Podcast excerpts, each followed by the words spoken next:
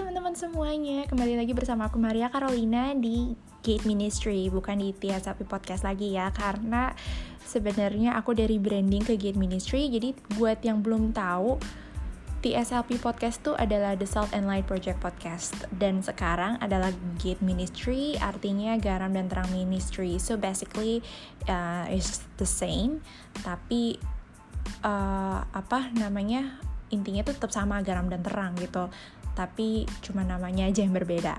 So, ada beberapa konten yang memang sudah disarankan dari teman-teman dan salah satu konten yang di request untuk dibahas adalah mengenai bersyukur.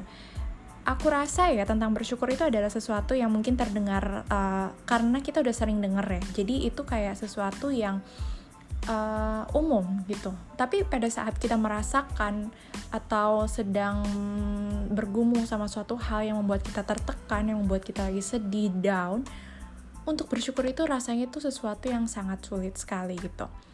Nah sebenarnya mau aku bahas ini sebenarnya lebih ke um, kenapa mengucap syukur gitu. Aku mau ajak teman-teman untuk uh, mengingat Uh, dari satu ayat dari Mazmur 9 ayat 2 yang mengatakan aku mau bersyukur kepada Tuhan dengan segenap hatiku. Aku mau menceritakan segala perbuatanmu yang ajaib. Yang artinya apa? Di sini menunjukkan kalau uh, untuk mengucap syukur itu adalah satu kebiasaan. Seharusnya itu menjadi satu kebiasaan, bukan uh, apa ya, bukan berdasarkan mood aja gitu. Misalnya kita lagi senang, kita lagi merasa happy, hidup kita lagi baik-baik aja, terus kita bersyukur sama Tuhan, terima kasih Tuhan gitu atas berkat yang udah uh, kau berikan. Misalnya kita dapat gaji uh, yang buat yang udah kerja nih, misalnya kita dapat uh, kenaikan gaji, baru kita bersyukur gitu. Tapi kalau misalnya gaji kita turun, terus kita komplain sama Tuhan, Tuhan kenapa sih gitu. Jadi yang namanya bersyukur itu tuh adalah satu gaya hidup. Doesn't matter um, our situation gitu mau situasi kita lagi dalam keadaan buruk sedih senang pun kita tetap bersyukur gitu. Coba kalian ngebayangin maksudnya orang-orang yang kebiasaannya tuh uh, suka ngeluh tiap ada masalah dikit responnya tuh langsung ngeluh ngomel maki orang gitu. Karena apa? Karena itu udah satu kebiasaan. Dan kalau misalnya kita udah terbiasa mengucap syukur ketika ada masalah respon otomatis kita ya mengucapkan syukur karena itu ada satu kebiasaan. Ngerti ya? I think um, penjelasannya lumayan simpel gitu. Maksudnya um, Tuhan menyuruh kita mengucap syukur dalam ayat Mazmur tadi itu karena Tuhan tuh sedang memberikan kita um, suatu berkat. Bukan untuk kepentingan Tuhan tapi untuk kepentingan kita sebenarnya. Karena apa? Manfaat mengucap syukur itu salah satunya adalah supaya um, perasaan negatif kita itu hilang Kalian tahu kan pada saat kalian lagi depresi atau lagi down, pada saat kalian uh, terus fokus sama masalahnya, apakah itu akan menjadi membuat kalian merasa lebih baik? Aku rasa enggak. Karena pada saat kita terus berfokus sama masalahnya, yang ada kita malah makin tertekan. Berbeda kalau misalnya kita melihat dari perspektif yang berbeda. Kita melihat bagaimana Tuhan itu bisa bekerja dalam setiap masalah kita gitu. Dan di situ kita bakalan merasa wah, Tuhan tuh sangat memberkati kita sebenarnya. Tuhan tuh sangat sayang pada kita. Kalian tahu ingat pada saat um, cerita orang-orang Israel mereka tuh selalu kerjanya tuh ngeluh. Karena kenapa? Mereka jarang mengucap syukur. Hati mereka keras tegar tengkuk. Dan jangan sampai kita menjadi seperti orang Israel yang kerjanya selalu bersungut-sungut dan mengeluh karena yang mereka lihat itu selalu sisi negatifnya bukan hal yang baik. Makanya mereka jadinya lama 40 tahun ada di padang gurun. Jadi orang yang selalu mengucap syukur itu mereka dapat melihat jalan yang diberikan Tuhan gitu. Pada saat mereka ada masalah jalan keluar itu mereka bisa melihat.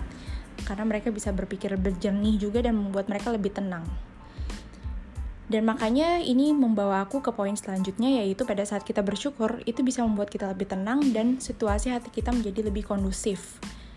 Dan pada saat kita bisa melakukan atau berpikir secara lebih kondusif dan lebih emosi kita lebih stabil, itu berarti kita bisa mengambil keputusan juga secara uh, objektif gitu. Nggak sesuai dengan perasaan doang, dan subjektif gitu dan makanya ada baiknya pada saat kita berada dalam satu situasi di dalam masalah kita harus mencoba memaksa diri untuk melihat satu hal itu dari perspektif yang berbeda.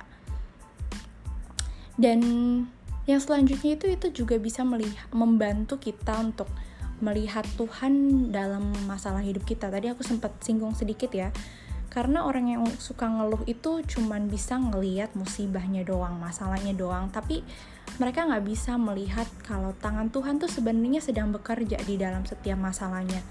Tapi orang yang bisa mengucap syukur dia tuh bisa melihat kalau Tuhan tuh sebenarnya ada di dalam masalahnya.